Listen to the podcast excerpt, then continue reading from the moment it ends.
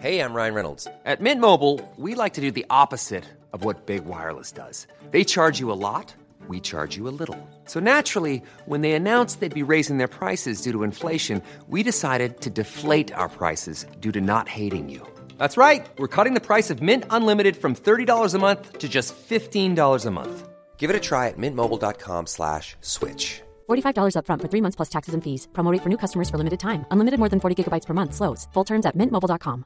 Many of us have those stubborn pounds that seem impossible to lose, no matter how good we eat or how hard we work out. My solution is PlushCare. PlushCare is a leading telehealth provider with doctors who are there for you day and night to partner with you in your weight loss journey. They can prescribe FDA-approved weight loss medications like Wagovi and Zepbound for those who qualify. Plus, they accept most insurance plans. To get started, visit plushcare.com slash weight loss. That's plushcare.com slash weight loss.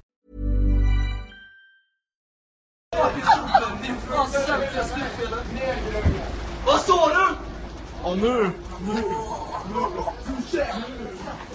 Vad sa du?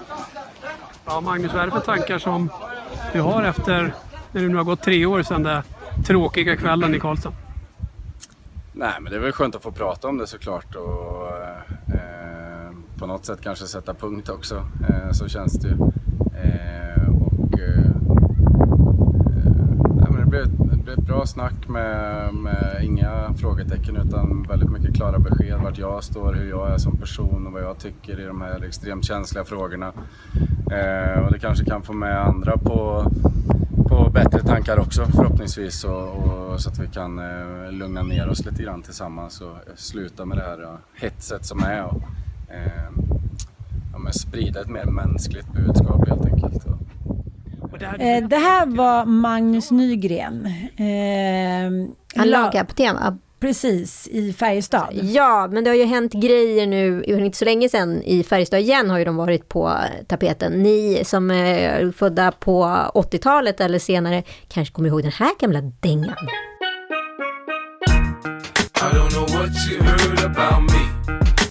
I Then I'm a motherfucking B.I.M.B. Ja, den här har jag dansat till glatt många gånger. Det har vi alla. Ja. Det här var alltså, vad är det, några veckor sedan. Mm. Eh, så visade det sig att eh, Färjestad som faktiskt har ett ganska, eh, vad ska jag säga, uppbyggt arbete kring hur man ska komma ifrån eh, gamla unkna värderingar inom sporten. Mm. De har ju liksom reglements och men, ska man säga, en liten grupp där som ska se till att inte sådana här låtar spelas. Eh, Alltså, vä- vänta, jag måste bara stoppa här. Liksom. Ja. Det här är så trams. Förlåt, det är så jävla trams. Men vi måste backa bandet och berätta vad som hänt. Det, eh, Färjestad vann en match och i omklädningsrummet efter match så satte någon på den här låten, PIMP. Ja, men lite betydelsen, fan vad vi är bra, ingen kan ta ifrån oss det här, vi vinner, vi sköter vår egen, liksom, ingen kan nå oss. Kan jag tänka mig att den som satte på låten ville då understryka så här, with the motherfucking, liksom, ja men coolast i stan typ. Ja, alltså jag har Ja. svårt att se att Färjestad Hockeys killar födda kanske år 2000 har gått in stenhårt i lyriken här och tänkt så här. Lyrikanalys. Lyrikanalysen kanske inte var liksom det som först. Nej. Utan det kanske här finns en tradition i omklädningsrumskulturen. Det här är kanske någonting man har spelat flera år utan att ha lagt in en värdering i det. Men det är ju det som är problemet i den här moraliska tiden. Att allt ska ju moraliseras och värderas. Och värderar du inte någonting rätt idag, ja, då är det rätt lätt att du hamnar fel. Och här är det ju då någon som har golat, kan vi väl minst sagt säga då. Mm, mm. Och det här har kommit upp på tapeten. Skvallertackorna. Ja. Den här tidens skvallertackor. Och jag tycker det här ämnet är så spännande måste jag säga. För det har så många olika liksom, vinklar in, ut, upp, ner, fram och tillbaka. Historiskt, eh, kulturellt liksom. Eh, och det är ganska intressant. Det, det man inser också när man gör sin lilla research är att många har också tjänat både liksom bokstavligen pengar men också eh, ära, om man ska säga. Att man liksom man märker att ju, ju mer kontroversiella åsikter man har och ju mer man pratar om sex, som att man liksom inte bryr sig om någonting, man kan ändå bli som i den här låten, man är ändå liksom, man kan bli rik, eh, snygg, bra och beundrad, eh, trots att man har skitvärderingar enligt moralens liksom, värderingar. Precis, jag tänker att så här, jag kollar på den här eh, serien som har gått på Disney Plus nu om eh, om Sex Pistols, hur liksom beräknande Malcolm McLaren var för att skapa liksom det här kaoset i samhället. Och liksom, om man har en bra analys utav samhället på det stora hela, skulle man kunna skapa radikalism genom mode och uttryck och uttalanden som skulle få otroligt mycket fäste i media för att mm. man vågar säga någonting som är så omoraliskt. Och vi ska ju prata rätt mycket om moral idag och den här liksom 30-talsmoralen och moralen genom historien och hur den har sett ut och påverkat människan. Så finns en film som heter The Reader från 2008 med Ralph Fiennes ah. och, eh, och eh, Kate Winslet. Då. I'm going to ask you, were you part of it? Yes. Did you not realize that you were sending these women to their death? Yes, but there were new arrivals. New women were arriving all the time, so the old ones had to make room for the new ones. Let me rephrase. To make room, you were picking women out and saying, you and you and you have to be sent back to be killed. Well, what would you have done? Det handlar ju om att Kate Winslet då är en ja, 30-årig kvinna som har då en väldigt ung älskare under en, ja, en vår till en höst, skulle man kunna säga. Eh, och sen försvinner hon ur hans liv, mm, bara märkligt. Det här är alltså precis innan andra världskriget. Och han pluggar till advokat eh, och jurist och så vidare och när han är betydligt mycket äldre senare i livet så dyker hon upp igen när han går på olika rättegångar för att eh, det ingår i hans praktik liksom, eller under utbildningen. Då visar det sig att hon har tagit jobb hos SS eh, och då står inför rätt rätta för att ha bränt inne 300 judar i en kyrka. Just det, just det. Och eh, hon säger då att det här, jag har ju bara gjort mitt jobb och det är egentligen sex stycken kvinnor som står på, eh, liksom mm. inför rätta. Och alla vill ju då skylla på varandra och inte ta det här straffet och hon är lite autistisk kanske vi ska säga. Uh, så hon, hon har lite svårt att läsa av situationen. Hon, vill ju bara, hon har bara gjort sitt jobb. Det var ju precis det jag skulle göra. Men till saken hör så att hon kan inte skriva. Hon är analfabet. Hon kan inte läsa, hon kan inte skriva. Just och när då domaren lägger fram det här protokollet för att säga så här, men skriv din signatur här, ni har alla skrivit på en rapport för att få jämföra om det, är, om det är du som har skrivit på, då vill ju inte hon göra det. Och det handlar ju om att ja, hon kan inte. Hon kan inte. Hon skäms för det.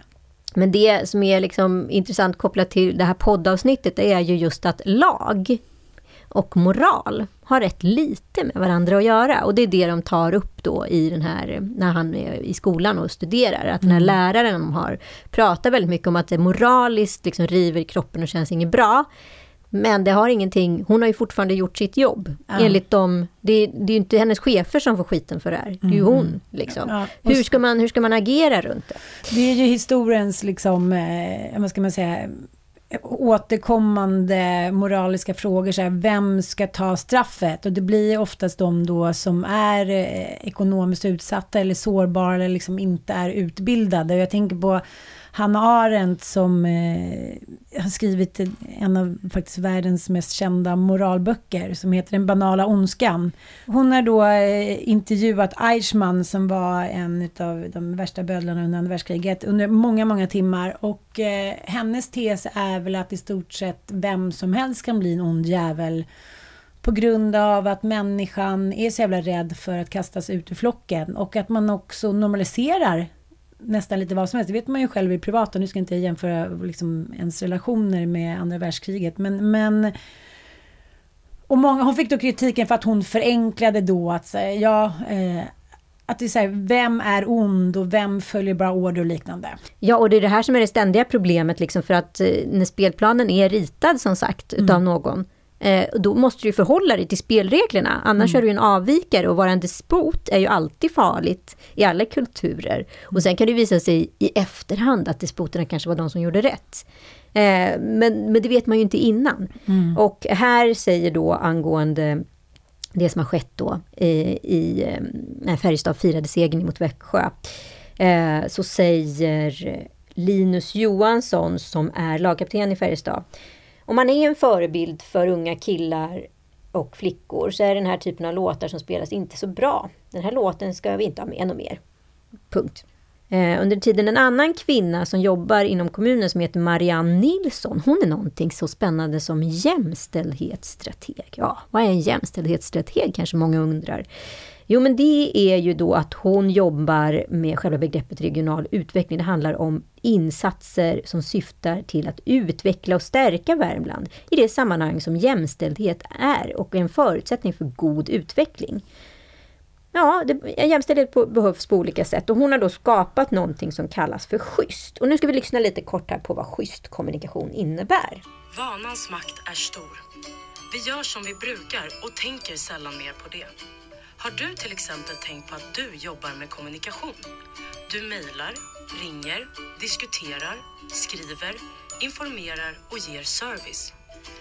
Vi kan våra jobb, men det är inte alltid vi tänker på vilka ord och uttryck vi använder. Så därför gjorde vi på Region Värmland Schysst. En inspirationsguide som vill uppmuntra oss alla att göra medvetna val av ord och bilder för att slippa förstärka stereotypa föreställningar och normer. Vi testar några schyssta formuleringar. Dags för en bensträckare? Eller varför inte bara säga dags för en paus? Dagisfröken? Eller förskollärare? Kärt barn har många namn, så även yrken. Förskollärare, kassabiträde, talesperson är bra exempel på könsneutrala titlar. Hudfärgat plåster. Ordet hudfärg är ingen särskild färg i färgskalan. Hudens färg varierar från person till person. Partner. Alla har inte en make, maka, men alla kan ha en partner. Var inte rädd för hen. Hen är ett bra ord när du vill slippa krångliga formuleringar. När du exempelvis inte vet könet. Eller när det inte spelar någon roll. Eller när Ja! Kommer du ihåg den där förskolan i Gamla stan, Myran? Ja. Ja, det blev en himla rabalder att eh, det skulle vara helt könsneutralt. Precis. På den förskolan så skulle man inte veta om det var killar eller tjejer som, ja, men som gick på förskolan. Liksom. Mm. Och eh, det här debatterades ju av liksom väldigt många och en vissa tyckte så här, men det är väl fair. Varför är det så himla viktigt att liksom, och vad är det för kön och vad blev det? Och det är någonting som jag har tänkt på senaste tiden när människor i min närhet liksom blir gravida och sen från förlossningen så är det ju fler och fler som säger nu har vårt barn kommit. Och första gången jag läste det, eller det skedde, då blev jag skitirriterad. Jag bara, okej, men vadå? Vår pojke, vår flicka, så här, 333 gram, jag vill ha information. För att jag vill känna mig trygg. Liksom, egentligen så här, varför ska jag känna mig trygg i deras förlossning? Vi kanske är så här, tre männingar, jag kanske träffat dem två gånger. Men nu när jag sett det där flera gånger så tänker jag så här, make sense. Vad spelar det egentligen för roll? De, deras barn har kommit till världen. Så att mycket handlar om att det, det är kanske inte så himla svårt att förändra just det här att man ska liksom sätta människor i olika fack eller kön eller Jag vet inte, jag tycker personligen svårt. jag, är- jag är jättemot den typen av grej. För att jag tycker mer att det är ett så här forskarexperiment från vuxna än vad barn är. För barn är väldigt så här, du är lång, du är kort, du är pojke, du är flicka, vad är du? Alltså sen så är Men det förskolan håller jag verkligen med. Ja, det, det tycker jag jag tycker att det är svårt. Jag tror att liksom, kanske mer att det skulle komma upp till någon form av så här högstadienivå när folk verkligen börjar fundera på det här med genus på ett helt nytt plan. För att så här, jag, jag upplever, min upplevelse av barn är i alla fall att det är de som är väldigt tydliga med definition utav vad man är. Du är brun, du är ljus. Alltså det är inte så mycket värderingar inblandat, men det är ett konstaterande. För att konkretisera, människans psy- psyke är ju uppbyggt att du måste kunna stoppa folk i olika boxar för att kunna kategorisera dem i något for- form av inre liksom, eh, kartotek eller register för att veta vem du kommunicerar med. Mm. För det gör oss också tryggare i vår kommunikation med olika väsen. Alltså det här är ju liksom bara så här, så här är människan skapt och så här är vi uppbyggda.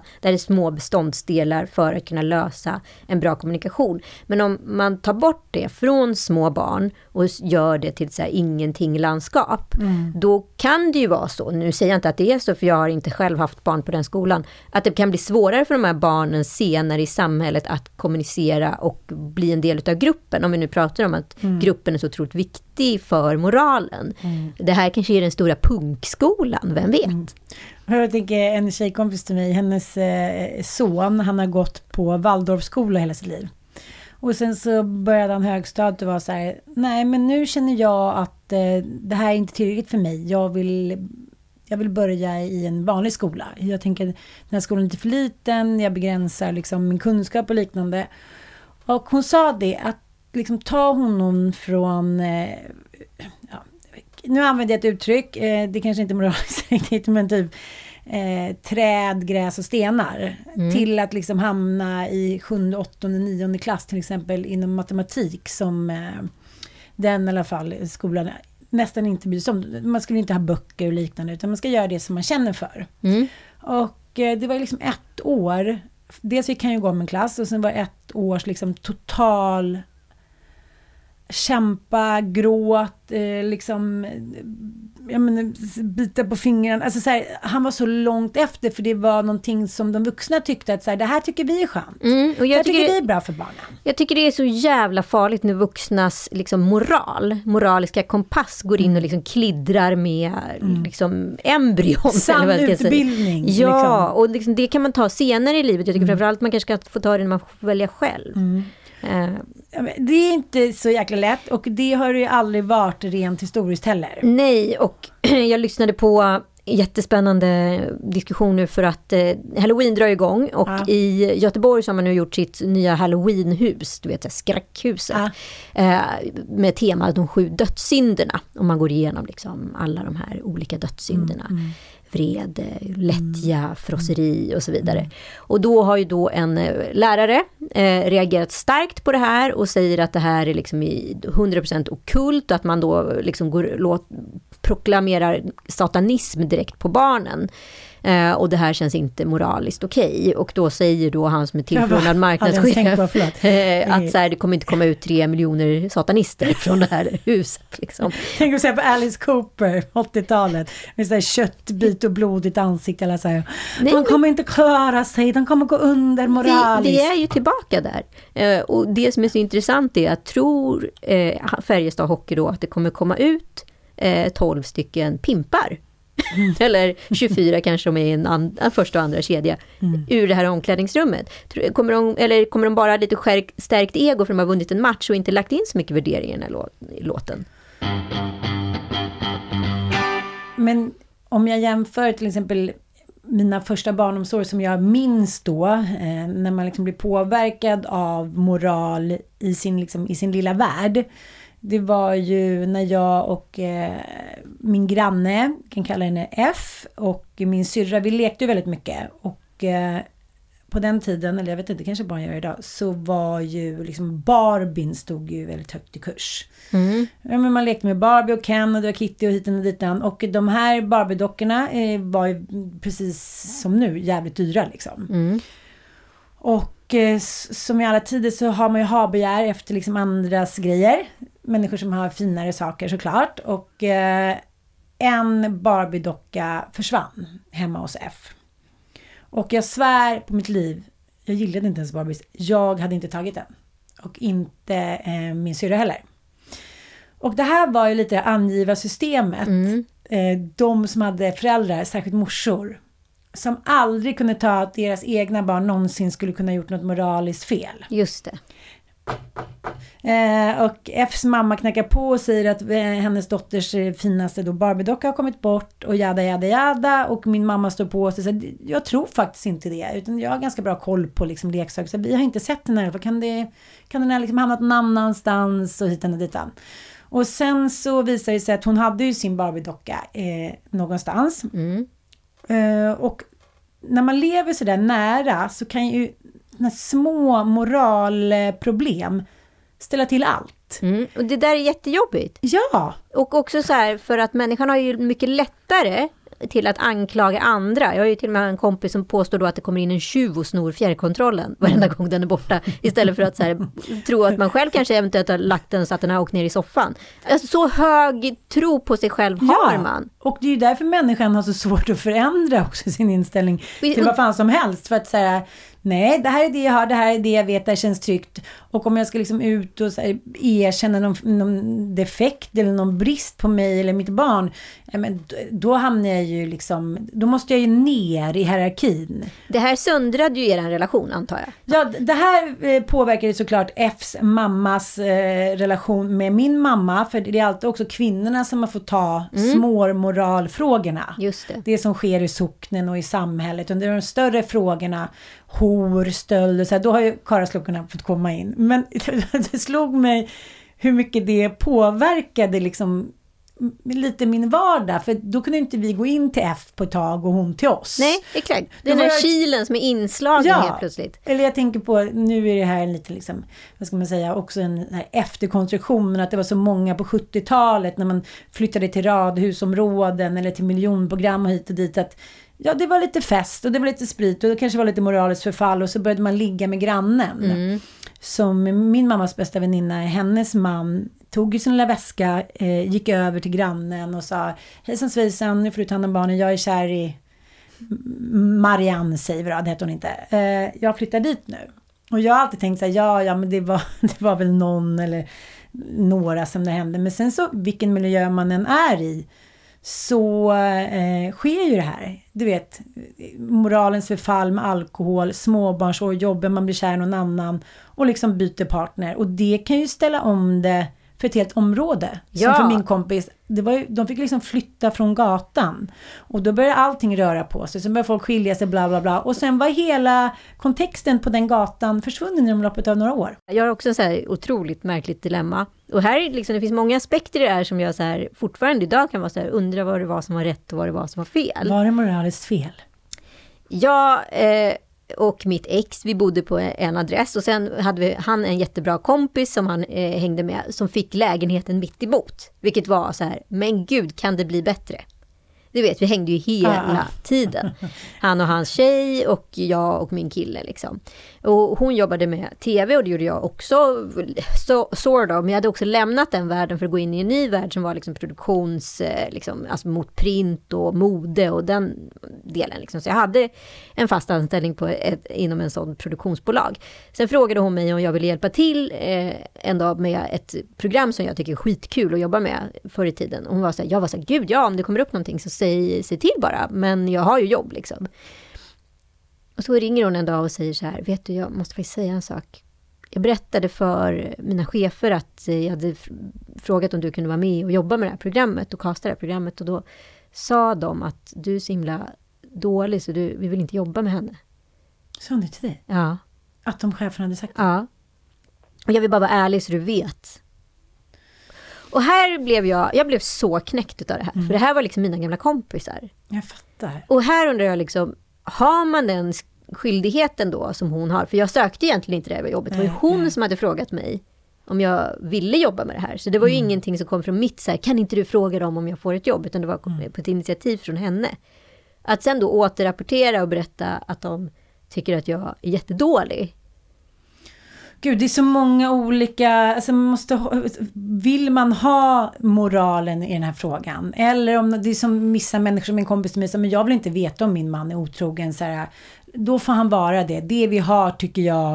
Äh, det spelar inte så stor roll. Att man skyddar sig i det moraliska förfallet med någon form av så personlig etik. Förstår du? Att så här, det är okej för mig liksom. Men om jag skulle veta att någon kompis till dig, Mm. exempelvis som du så här, ja, gillar, skulle tycka illa, och är det min skyldighet att berätta och rapportera för dig att den personen faktiskt inte gillar dig, även om inte du har bett om det. Är det min skyldighet? Alltså, det är det jag, här vill säga ja, jag vill säga ja, för att spännande. jag, jag tänker att jag vill veta, som du pratar om att människor har liksom relationer vid sidan om, så går det två år, så bara gud, du har vetat om att eh, hen har li- liksom haft en annan relation. Det kan ju knäcka vem som helst.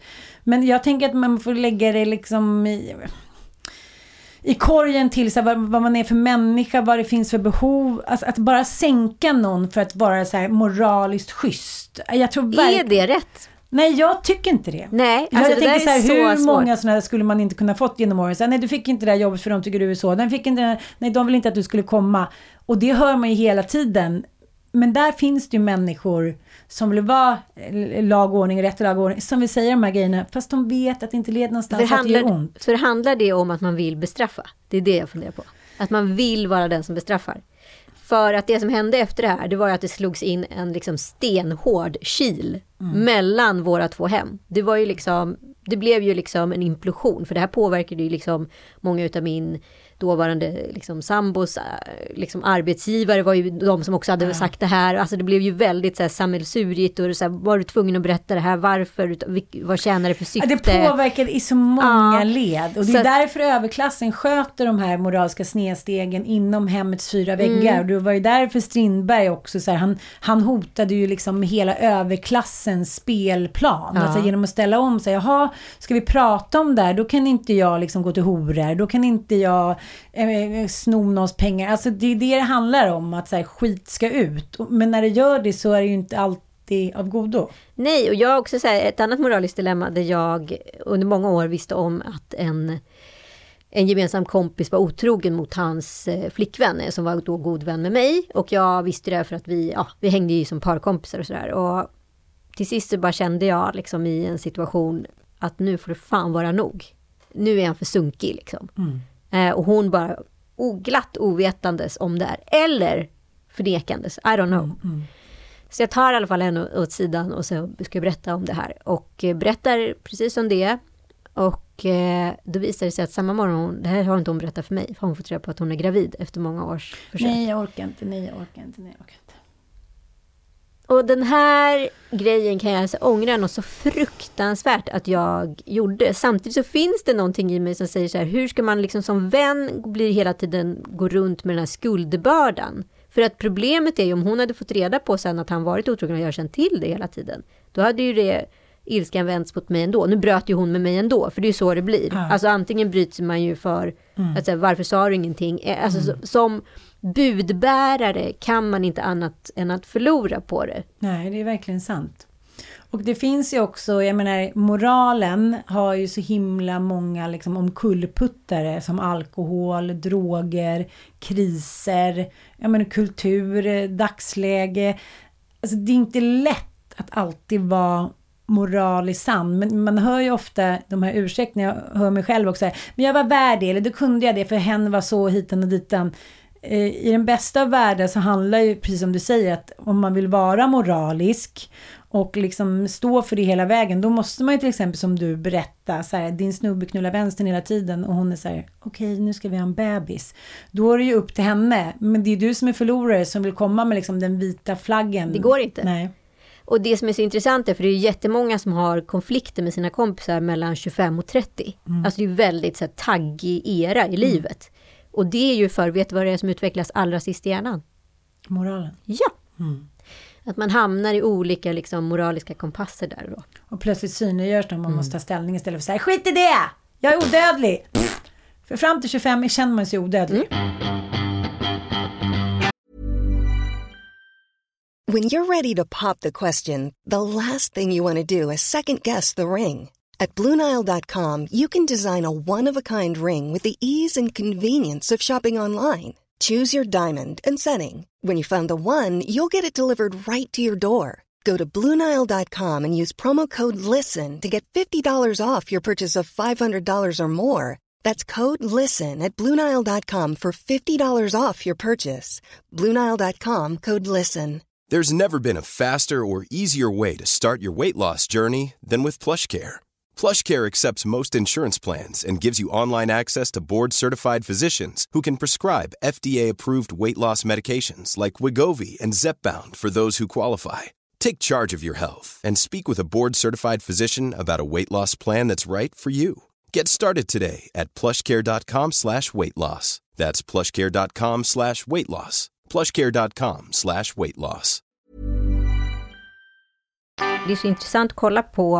Samhället. För det känns som att varje sekel föder en ny, helt ny generation. Och den generationen går in igenom egentligen samma liksom, metaforer och samma liksom, eh, samhällsuppbyggnad för att vi är en art och arten är konstant i och med att vi är utrustade med samma hjärna som för 2000 år sedan eller ännu längre. Liksom.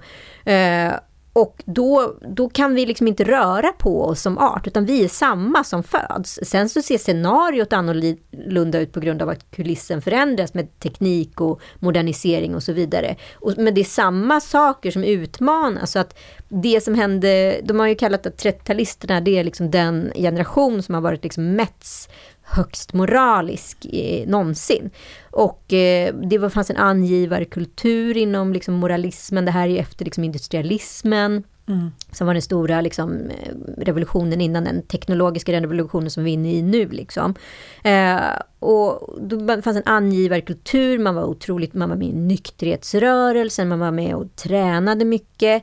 Man kallade, och folk som inte levde som man själv i de här olika klustren utav moralism, de var människor man kunde ange åt olika saker. Och det här ser vi ju idag i sociala medier jättetydligt. Att Mm. folk älskar att så här, ange människor och Sätta dit. sätta dit. Och det enda som egentligen avkrävs efter de här moraliska dreven och plöjt liksom igenom, det är att man ska be om ursäkt. Och då är liksom skad... Sen är det klart. Sen är det klart. Så bara att man säger, men jag kan ju tycka att det finns något så här, och du vet ju jag har så jävla svårt för att liksom eh, be om ursäkt för dålig moral. Ja. Ja, det är liksom det jag har så mest svårt för, tror jag, utav allt. Mm. Jag kan gärna be om ursäkt för att jag har sagt något dumt eller liksom betett mig illa. Men att be om ursäkt för dålig moral, den är svår, tycker jag. Och vem bestämmer det? Exakt, Mm, för det är mm. godtyckligt. För enligt mig så var ju det här rätt. Ja, ja. Men enligt dig är det här fel. Och det är då det blir så intressant för att lägga på det här lagret med lag. Vad Mm. gäller egentligen? Det är därför vi måste ha ett rättssamhälle som är fun- fungerande. Idag ser vi också väldigt mycket lagar som är baserade på moral. Mm. Samtyckeslagen är ju typiskt som lag. Den är ju jätte, jättebra. Och den har verkligen förändrat. Ja, Alltså, det är så verkligen förändrat. många fler domar som man kan luta sig mot i det här. Hon var, till exempel hon var full eller hon hade en typ av kläder. Och så här. Allt det där kan den nya lagen luta sig mot. Ja, fast det, enligt den nya lagen så spelar det ingen roll. Och det är där moralen gör sitt bästa, bästa, bästa, bästa intryck. Absolut, för att människan är ju som en trissa. Vi vrider upp den eh, och sen är den supersträng och jättemoralisk och så sakta, sakta, sakta efter ett eh, halvt sekel har gått och börjar det slacka lite. Mm. Och så kommer liksom in hela liksom, manschauvinistiska samhället och så drar det igång igen. Och sen kommer kvinnorna in och så är det jättehögt spänt moraliskt. Men jag tänker så här, hela vår valrörelse nu vittnade ju verkligen om, som någon skrev så här, eh, liksom hela valrörelsen satte, sattes av, agendan sattes av män som inte ens kan bädda sängen. Liksom. Mm. Alla de så här mänskliga frågorna försvann och sen skulle liksom storpitsfrågorna fram på bordet. Liksom. Men jag tänker så här att det som är människans styrka om man ska jämföra med djuren till exempel, det är ju att vi har en moral. Liksom. Jag tänker Sokrates pratade om det redan för tusentals år sedan. Att så här, vi mår inte bra om vi inte har liksom, vår humanistiska så här, hjälpkompass på. Då, då, då känner vi liksom skuldkänslor och vi känner att så här, det här var inte rätt. Och det här stod ju liksom på något sätt i, vad ska man säga, i spegling till Gud under många tusen år. Att så här, om du inte är moraliskt rätt och riktig, då hamnar du inte i paradiset. Och då började ju liksom eh, de här breven då som man kunde köpa för att liksom, ja men ta sig fri från synd eller om man tar till exempel katolska kyrkan, bikten. Så människan har ju alltid hittat genvägar till att få kunna knulla vänstern och supa och sno varandras pengar och döda och slå och bla bla bla bla. Men det är ändå intressant det där att det finns det finns någonting i oss som, som varje dag tänker så här, nej men jag ska inte gå fram och kladda på den där människan på tunnelbanan eller jag ska inte ta den där gamla gubbens liksom guldklocka eller jag ska vara en schysst person. Jag tycker det där är jäkligt spännande och i Sverige så har vi en så här lång historia kring det där. När vi liksom tusentalet, 1100-talet, eh, då blev det en helt ny författning i Sverige. Då började vi liksom dela in oss i socknar. Mm. Och innan så hade man ju faktiskt lite vikinga aktish bete sig lite hur som helst, för det fanns inte samma liksom inblick. När man började gå ihop i små grupper eller socknar. Det var väl mer att ettorna höll på att mörda varandra åt höger och vänster, Ja. minsta lilla eh, sl- sladder. Liksom, åt, Ja. Så att det var ju rätt svårt att liksom, Ja. ha ett samhälle och den sista liksom, krist, liksom, den sista vikingen. Sturlason hade det tufft. Ja, exakt. Ja. nu skriver han Eddan. Men, eh, liksom, den sista vikingen, den levde ju liksom in i medeltidssamhället och då var ju han superomodern. Ja. Och det här gick ju rätt fort Ja. Över en natt. det är så här, jag började se också när jag läste om det här så började man också se tydligt allting som vi är uppväxta med. Alla de här Astrid Lindgren-berättelserna. Krösa-Maja som liksom, man kallade det för skvallertacka. Ja. Som liksom sprang mellan husen. Skillingatrycken. Det Ja. var ju små skvaller, Precis. liksom, texter om vad som hade hänt, på, vem som hade legat med vem eller vad fan som hade, vad som hade skett på Ja, och, och de kunde ju vem som helst ut. Så det Ja. var ju liksom dåtidens, vad ska man säga, Instagram. Och man, man kanske inte skrev ut namnen, men, men det gjorde ju inte liksom Strindberg heller, utan man lätt kamouflerade då liksom. Eh, men jag tycker att det är otroligt spännande att helt plötsligt så föddes då skvallertackan när man skulle ha de här, som man också ser i Emil i Lönneberga, husförhören. Att man skulle se då att man liksom var moraliskt rätt och riktig. Och var man inte det så gick ju skvallret. Och då kunde man ju bli dömd utav den här sexmanna, liksom, som en liten egen, vad ska man säga, domstol som Mm. fanns inom socknen. Och eh, det måste liksom ut i samhället Mm. för att man måste hålla, liksom upprätthålla moralen. Exakt, jag brukar skriva det när jag blir irriterad på mina följare. Då skriver jag så här, min lilla Krösa-Maja. Folk, vi- folk har liksom ingen relation till Krösa-Maja. Jag vet inte vad hennes roll var. Nej. Det blir bara jätte, så här, för det är ju exakt det de gör. Alltså så här, håll på och, och älta med dina så här moraliska grejer. Men så här, gör gott för samhället. Idag är det ju väldigt mycket så att människor faktiskt inte gör någonting. Ja, Det de bara liksom- sitter och trollar. Den sitter och trollar och trollar och liksom så här, jag, jag ser inga handgripliga aktioner som har skett liksom mot, mot att här, för, för, förbättra situationen för prostituerade i samhället. Utan det här, snarare handlat om att här, döma Katrin och Bingo extremt mycket Mm. för deras omoraliska fest än att faktiskt här, göra någonting åt andra hållet.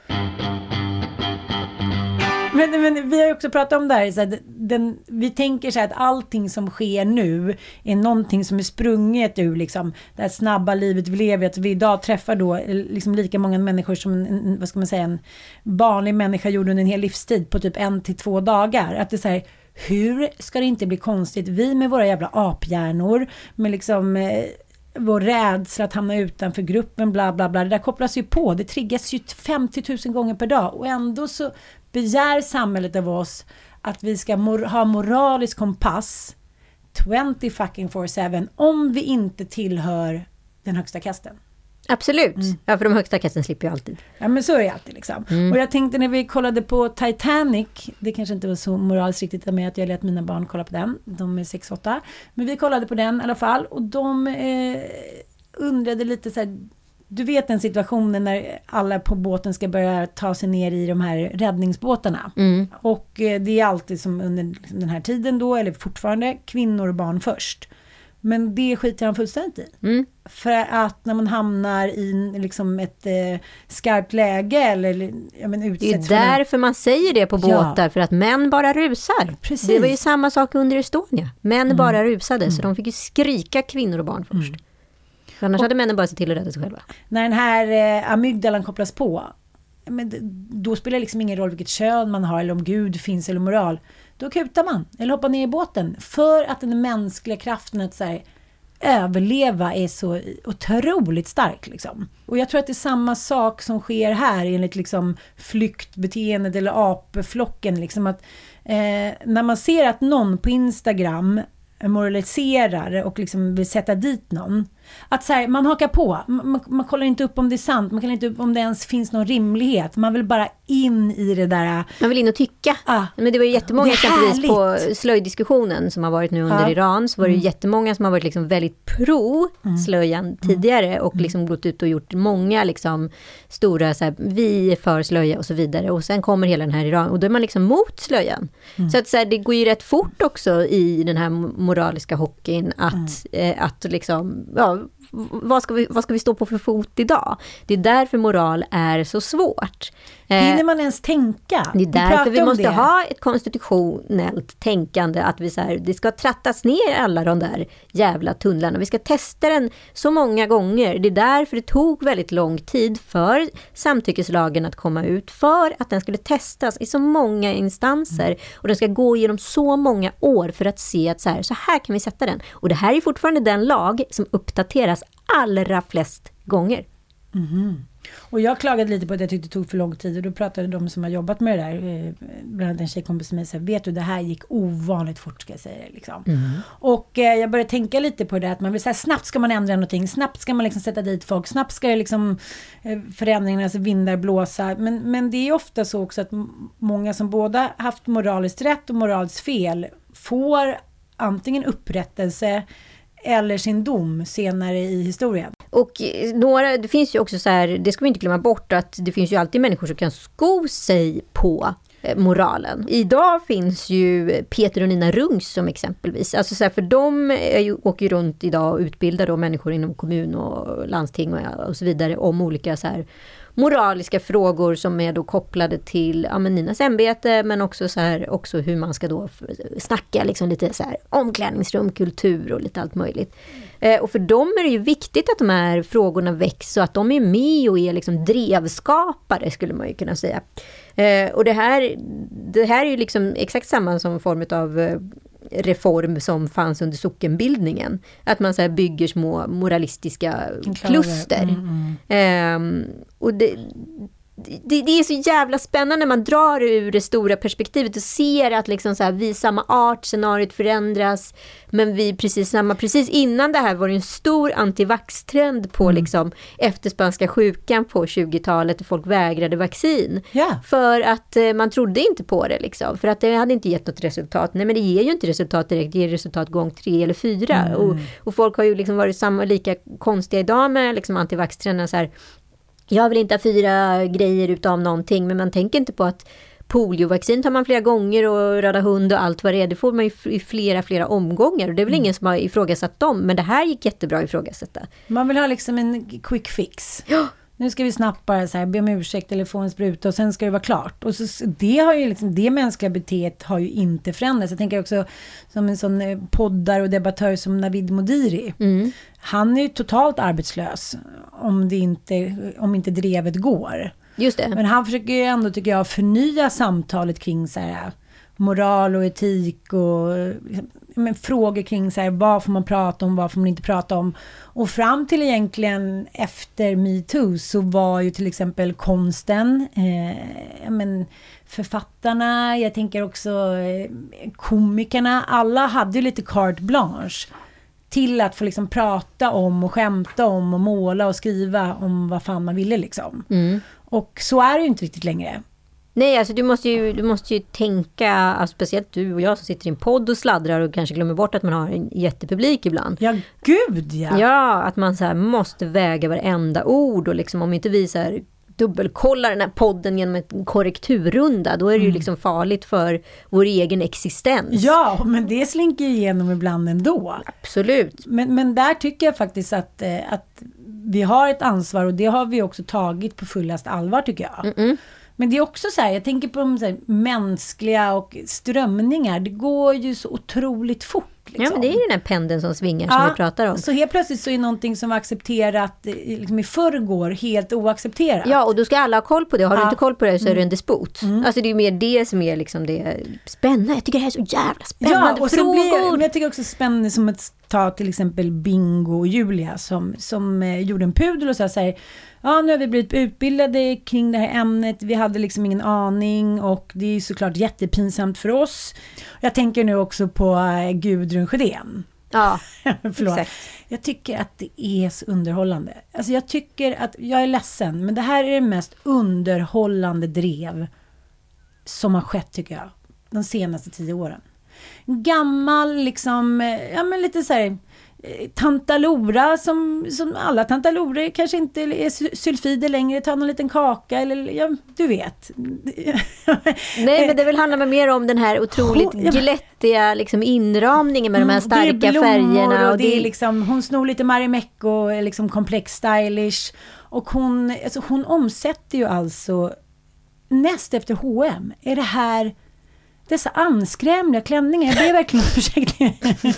Jag har liksom träffat kvinnor som spenderade hela sin är ju- pension på de här halvvantarna med Ja. avklippt som liksom fattig-Sverige hade. Alltså jag tycker att hon är ju ett geni. Ja, gud. Och genier då som anses som liksom är driftiga, de, oftast får ju de hålla så jävla länge innan pendeln vänder. Ja.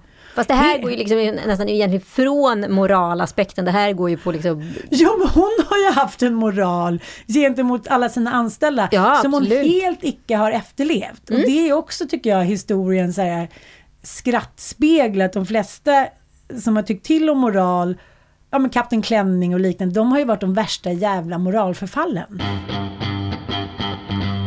Men tror inte du att man så här eh, föds in i en tidsera där man föds in i moral? Alltså jag tänker väldigt mycket på att så här, många blir ju cementerade i så här, det här är min livsåskådning och så här ska det vara. Mm. Sen så förändras världen och vi liksom åker med och sen så åker vi tillbaka. Alltså det håller ju alltid på att svänga sådär liksom.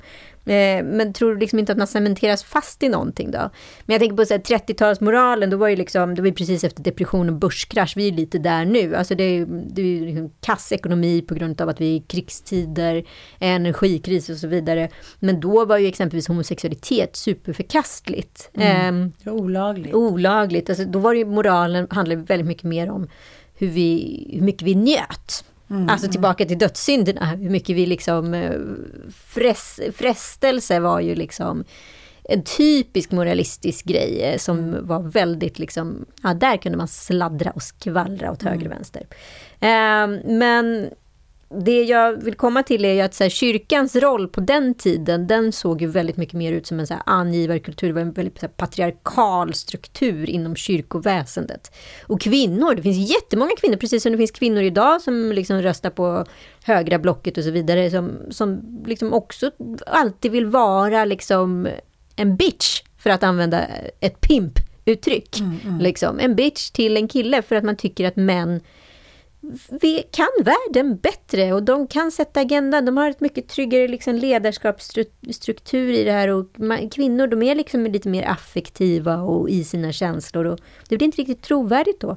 Men så läste jag ett eh, reportage eh, i Aftonbladet med diakonen Helena Hedelund som jobbar vid eh, Falkenbergs kyr- eh, kyrka, Svenska kyrkan i Göteborgs stift, där vi nu får bevittna ett nytt eh, fattig-Sverige. Mm. Jag är rädd att mina barn ska, inte ska få det som andra barn får. Alltså vanliga barn som har föräldrar med en bra ekonomi, som klarar av de här kriserna som inte många gör. Kriser slår ofta hårdast mot de som redan är utsatta. Här i Falkenberg har allt fler börjat vända sig till Svenska kyrkan för ekonomiskt stöd när mat och energipriserna skenar.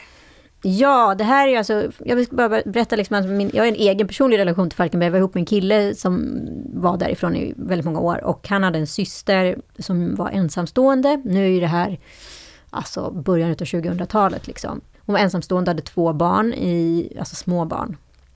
Rätt tufft. Eh, och hon jobbade inom vården och varje helg så jobbade hon extra i korvmojen för att dryga ut liksom kassan för att överleva. Och det var ju, hade ju varit, precis varit liksom en form av eh, depression då också. Men hon fick liksom aldrig ihop det. Vi fick alltid liksom putta in lite extra. Hon gick på knäna. Det är dåligt för självkänslan, det är dåligt för moralen, det är dåligt för allting att bara inte kunna räcka till hela tiden. Och Falkenberg är faktiskt den kommunen i Sverige som tjänar faktiskt 3 000 under snittet. Mäns snittinkomst är 26 000 kronor i månaden och kvinnors är 20 000 kronor i månaden. Och då finns det alltså folk som lever under snittet där också. Du ska lägga Mm. på skatt på det här. Så att de här kvinnorna som söker sig till kyrkan, de har ungefär 10 000 kronor i månaden att leva på. Och då när elräkningen är på 10 000 kronor och matpriserna är liksom det tredubbla, då är det inte så lätt längre. Att man inte kan äta sig mätt i Sverige 2022, det är ju inget annat än så här så jävla oansvarigt att de som ska ta ansvar för det här, bland annat vi då, men kanske ändå folkvalda politiker, så fullständigt har ignorerat den här frågan under hela jävla valrörelsen. Mm. Jag är faktiskt otroligt provocerad av det här och eh, faktiskt blev otroligt drabbad av det här reportaget. Så bjudit in eh, Helena Hedelund som är diakon i eh, Falkenbergs församling och Göteborgs stift. Välkommen till podden! Hej och tack så mycket för att jag får vara med i er podd. Ja, jag jobbar här då i Falkenbergs församling som tillhör Göteborgs stift. Och eh, just här i Falkenberg så har kyrkan kommit in och fått lite som du beskriver det då, en nygammal roll som eh, ett insamlings och utlämningsorgan för människor i fattigdom. Ehm, det här med barnfattigdom då som vi jobbar med mycket i Falkenbergs församling, det är ingenting som är unikt för oss. Utan barnfattigdom finns över hela Sverige. Men vad som är unikt för vår församling är att vi, vi träffar alla de här familjerna. De söker sig till oss hellre än till myndigheterna. Och varför tror du att det är så då? Jag tror att det är för att vi har ett unikt arbetssätt här i kyrkan. Vi jobbar med relationer och vårt eh, tillvägagångssätt är att jobba relationellt och vi dömer inte. Och sen är det också en fördel att även om vi är socionomer och psykologer som jobbar här så jobbar vi inte inom myndighetsutövning.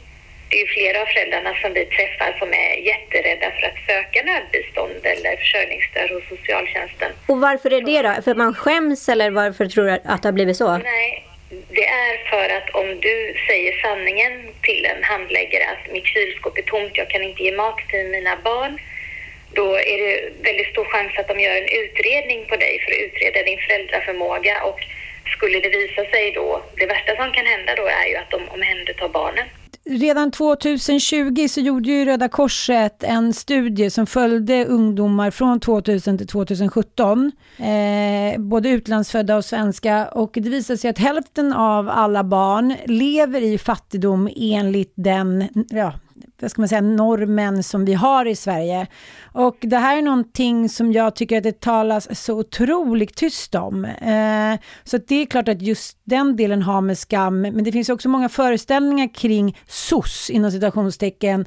Hur vanligt är det egentligen att socialen tar hand om barn? Eh, väldigt många människor, de vi pratar med, har ju dåliga erfarenheter av socialtjänsten. Inte per automatik att barnen har blivit omhändertagna. Men bara att vara under utredning är fruktansvärt påfrestande för människor, både alltså fysiskt och psykiskt. Det är fruktansvärt. Så därför drar man sig för det. Och som du säger, det ligger en enorm skam i att söka hjälpen och då är det väldigt viktigt att bemötandet de får är ödmjukt och med hjärta, inte alltså väldigt analyserande eller nästan attackerande. Det blir väldigt utredande. Men vad är det, varför har de inte råd att till exempel köpa mat som eh, de berättar om i det här reportaget från Aftonbladet? Alltså barn som till utlandsfödda föräldrar, de är i mycket större grad fattiga.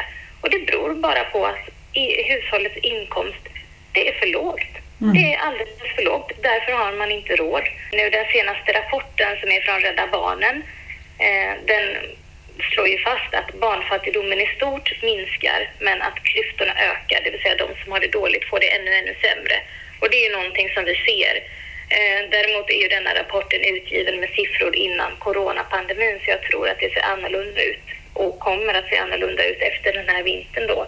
Ni har ungefär mellan 600 och 700 fattiga människor som eh, liksom finns kopplat till er, er kyrka eller ert stift. Hur, hur, vad gör man då? Det är handgripligen med de här människorna. Eh, vi brukar dels en gång varje månad i anslutning då precis innan barnbidraget kommer så bjuder vi in till middag i kyrkan där vi bjuder på mat, vi har andakt, vi har efterrätt och när de går hem så får de presentkort eller matkassar och blöjor. Det är också för att erbjuda ett sammanhang. Det handlar inte bara om att dela ut gåvor utan vi jobbar med relationer och att det finns en plats där man kan få vara utan att bli dömd för sitt utseende eller vad man har och inte har. Det är en jätteviktig verksamhet för oss och det kommer ungefär 100 föräldrar och barn till varje middag. Utöver det så har vi nu en gång i månaden en bara ren utdelning av eh, skänkta kläder och matkassar här i kyrkans lokaler. Och för övrigt väldigt stor del av vår arbetstid går ju ut på att samla in pengar som vi sedan kan dela ut. Och så naturligtvis lyfta frågan så som du ger mig tillfälle att göra nu, vilket jag är så tacksam för. Vi pratar med kommunpolitiker, vi pratar med olika samfund, ordenssällskap, vem som helst som bara vill lyssna och höra att det finns barn som lägger sig hungriga i vår absoluta närhet. Jag tänker att eh, samhället har ju mer och mer utvecklats till eh, indiv det individuella samhället och vi tog kanske bättre hand om varandra förr i tiden. Eh, och vi har pratat lite i det här avsnittet om just moral, att mm, eh, för många har ju inte en, en, liksom en daglig religion att luta sig tillbaka till, men vi anser fortfarande att moral är viktigt för att det ger oss någon form av tillfredsställelse, annars känner vi skuldkänslor om vi inte beter oss moraliskt. Eh, är det här någonting du märker av? Tycker att människor är hjälpsamma ute i landet eller skulle du vilja slå ner liksom, foten och säga så här, vi måste hjälpas åt mer, vi måste dela med oss. Hur känner du? Min erfarenhet här i Falkenberg är att människor är oerhört givmilda. Ja. Och, alltså man tar verkligen fasta på det här att man kan hjälpa människor i sin absoluta närhet. Att många tycker väldigt mycket om det. De vill veta liksom att hjälpen går väldigt exakt och så. Eh, Eh, det som jag känner är ju att, mer att samhällsapparaten fallerar. Den sviker människorna. Kommunen har det yttersta ansvaret enligt socialtjänstlagen, fjärde kapitel, första paragraf. Men man sviker. Och det är det som inte fungerar tycker jag. Eh, sen vill jag bara flika in när du nämner ordet moral att det vi ibland snarare kan möta är ju en, en viss moralism över hur de här mammorna kanske borde gjort eller att man tänker att de har gjort fel eller prioriterat fel och Mm. undrar varför de inte gör storkok och varför de inte lägger ärtor i blöt. Jag tänker, gör du det själv? Alltså hur lätt är det? Det Mm. finns ganska mycket sådana tankar kring att eh, det ni gör, det borde ni inte göra. De Så det är deras eget fel liksom? Mm, att det är deras eget fel att bara de sätter igång och jobbar så, sig självt. Men så vet vi att det inte är. Det är också det att när, när det kollektiva ansvaret liksom blir svagare så blir det också, pratar mycket om att den psykiska ohälsan hos kvinnor ökar, att det kan kännas liksom övermäktigt att eh, ta sig ur sin situation. När man, för man känner sig ensam, att kollektivet inte finns där och stöttar just med det här skam och skuld och liknande. Och det är ju någonting som har följt Sverige eh, liksom, unge, flera århundraden, just det här moraliska, att den inte klarar sig själv och varför ska ha så många ungar då, då får man väl rycka upp sig och liknande. På vilket sätt kan eh, jag och Anita hjälpa till, eh, förutom att liksom bidra med pengar? Jag tänker, Eh, i London nu eh, så har det varit otroligt mycket eh, demonstrationer just på det nya då, regeringsförslaget att de som har bra pe- med pengar eh, ska få skattelättnader. Vilket har gjort till att eh, man har backat idag och sagt så här, okej vi får skriva om och göra rätt, vi förstår liksom. Eh, det är just det här att de rikare får mer och de fattigare får mindre. Eh, vad säger du, måste du ska, är det på gång, ska vi måste få till en revolution? Ehm, Ja, jag vet inte hur revolutionärt man kan kalla det, men jag tycker att vi ska kräva att makthavare och politiker utför sitt uppdrag. Och det tycker inte jag är särskilt revolutionerande. Vi har en socialtjänstlag. Den slår fast vart ansvaret ligger. Vi har myndigheter, flera stycken som sviker människor. Det är här problemet ligger. Folk måste ta sitt ansvar och göra sitt jobb och faktiskt öppna ögonen för att se att den här fattigdomen finns precis här i Sverige, mitt ibland oss. Det känns som den här frågan fick rätt lite utrymme i senaste valet. Det var väldigt mycket fokus på eh, de andra, de har orsaker och allas andras fel. Men vems fel är det här då? Åh, vilken bra fråga. Ehm, jag kan inte riktigt svara på det, men jag vill bara, jag vill verkligen lyfta det här att frågorna som prioriterades i valet med energi och, och lag och ordning och sånt, det är ju männens agenda. Det är det. Det är inte kvinnornas agenda. De människor vi möter, är, alltså till 98 procent är ju de ensamstående föräldrarna mammor som har blivit lämnade. Detta är en del av en kvinnofråga. Även frågor som våld mot kvinnor, de fick ju absolut inget utrymme. Så att jag får väl svara att det är männens fel, helt enkelt. De har helt fel prioriteringsområden. Men i dessa feministiska tider, hur kommer det sig då liksom att vi röstar som vi gör? Och eh, varför, varför blir vi hela tiden un, i moralens tecken några underkastande varelser till männens agenda? För att vi lever i ett patriarkat, eh, tror jag är det korta svaret. Det är de strukturer som vi alla är uppfostrade i. Och vi måste spreta emot med all, varje fiber i vår kropp för att inte dras med i det här. Och vi kan vara, finnas hur många kvinnliga partiledare som helst, men är det inte majoritet eller helst mycket mer än det, kvinnor som sitter och gör agendan så kommer ingenting att hända. Vi måste inse att vi lever i det här strukturella patriarkatet. Jag har själv skänkt pengar till er och tycker att du gör ett fantastiskt jobb Helena och eh, där eh, reportaget i Aftonbladet var väldigt starkt. Var kan man skänka pengar till er och stötta er verksamhet om man vill det? Eh, tack snälla du för din gåva. Vi är jättetacksamma. Du kan, det enklaste sättet är att swisha till oss.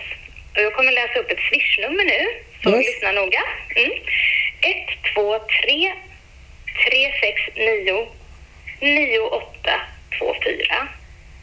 Och det är viktigt att man märker den här gåvan med ordet familjediakoni. 123 369 9824. Och så märker ni med familjediakonin. Tack snälla Helena för att du var med Tack. i podden. Hej då! Ha det bra! Hej hej!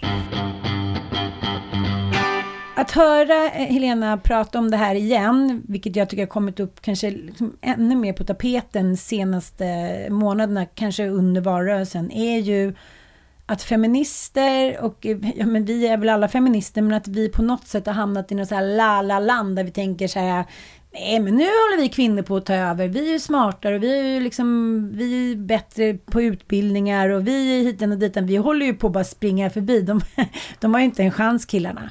Men sen när det gäller liksom de avgörande frågorna så kommer de upp där som troll ur skogen och får ändå bestämma hur vår framtid ska se ut för kvinnor och barn. Det är verkligen, det har gått upp för mig så jävla tydligt i den här varelsen vilket patriarkalt samhälle vi bor i även i Sverige. Ja, men det är det jag säger så här, det spelar ingen roll när någon redan har liksom ritat upp spelplanen hur den ska vara och den är liksom instiftad sedan flera hundra år tillbaka. Det spelar egentligen ingen roll om kvinnorörelserna alltid fallerar för att, för att så här, de, det går inte, det finns ingenting att studsa mot för någon har redan satt upp bollplanket. Förstår du vad jag menar? Så allting vi studsar mot är redan en manlig struktur. Och det är det här jag blir galen på. Jag blir jättebesviken på Socialdemokraterna med Magdalena Andersson i spetsen. Som då har moraliskt vunnit över överklasskärringar, förlåt, i storstäder. Liksom, och i, höginkomstorter, men tappat sina liksom, arbetarkommuner till fördel för extremt blåa SD.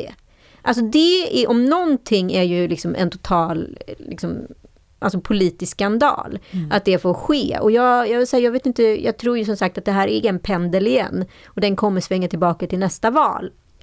Allt som kommer komma upp kommer ändå, ändå skönt att ha Magdalena i opposition och så vidare. Men jag, jag känner så jävla djupt mycket för de här kvinnorna liksom, som man inte ser. Alltså ju fler människor man är i samhället, ju enklare är det att försvinna. Och det här är ju verkligen kvinnor som har försvunnit. Jag önskar att alla ni som lyssnar på podden i smått eller stort bidrar till ert lokala stift eller till den här fantastiska Helena och hennes arbete i, i vad heter det, Eh, Falkenberg. För jag tror att det är så jävla viktigt att vi börjar ha en solidaritet igen. Oavsett om vi är blåa just nu i regeringsform, så tycker jag att så här, solidariteten måste tillbaka. Pressa ner den där fucking moralen just nu och så här, hjälp varandra istället för att stjälpa varandra. Och jag tänker en fråga som jag också tycker hamnade väldigt mycket i bakvattnet eh, under valrörelsen var ju det här mäns våld mot kvinnor. Jag pratade med en tjej för några veckor sedan som var tvungen att då tillsammans med sin dotter lämna sin man och flytta till en annan stad. Från bra jobb, från bra lägenhet. Och hon säger det, nu är jag i en situation som jag inte kan ta mig ur. Nej. Nej, Och vad det- gör man? Och det, hon, inte ens, hon kunde inte ens påverka sitt eget öde. Nej, och det är ju jättemånga sådana situationer bland kvinnor som är liksom förslavade också under liksom lagen och föreskrifter och vad som gäller. Jag vet en annan eh, kvinna som har liksom barn med en man som eh, liksom bor utomlands och aldrig befinner sig där. Men om hon inte är exakt det han säger på exakt den punkten när han säger att han ska komma och hämta barnet, då, då, då kan hon bli anmäld för kidnappande utav barn. Vilket också är så jävla problematiskt, liksom, för att han dyker ju aldrig upp, så hon måste kanske sitta standby i en vecka. Men gör, avviker hon från det här? Hon är ju totalt fången utav honom fram till barnet är 18 år. Vi kanske ska ta tillbaka det här sexmänning. Ja. I, där både kvinnor och män då, såklart inte samma i höga utsträckning eftersom det var ju ändå 1800-talet eh, och 1100-talet. Men eh, att det kanske ska finnas någon liten domstol i socknen som så här, jag ser vad som är rätt och riktigt och vad det finns behov för människor i området där man bor. För det är väl det, nu ska alla dras över en kam. Mm. Som en eh, stor jävla skanning av hela det här landet. Mm. Så vi komma till bukt med vad det är som behövs göras. Alltså systemfel är ju, det har vi i alla fall konstaterat och jag tänker inte att man behöver lägga skuldbördan åt något specifikt håll. Men det är någonting som har gått förlorat i det här högmoraliska landet och det är att vi ser inte längre individer. Vi ser bara brott. Tack för att ni har lyssnat. Det betyder mycket. Puss och kram! Puss!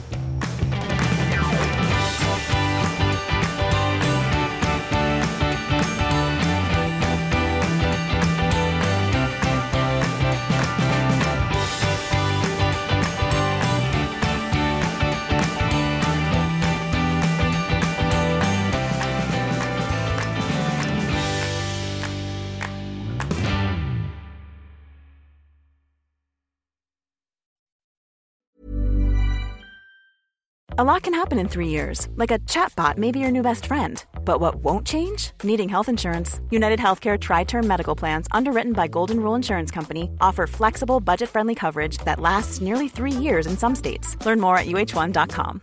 This message comes from BOF sponsor eBay. You'll know real when you get it. It'll say eBay Authenticity Guarantee. And you'll feel it. Maybe it's a head turning handbag, a watch that says it all, jewelry that makes you look like the gem, or sneakers and streetwear so fresh every step feels fly. eBay gets it.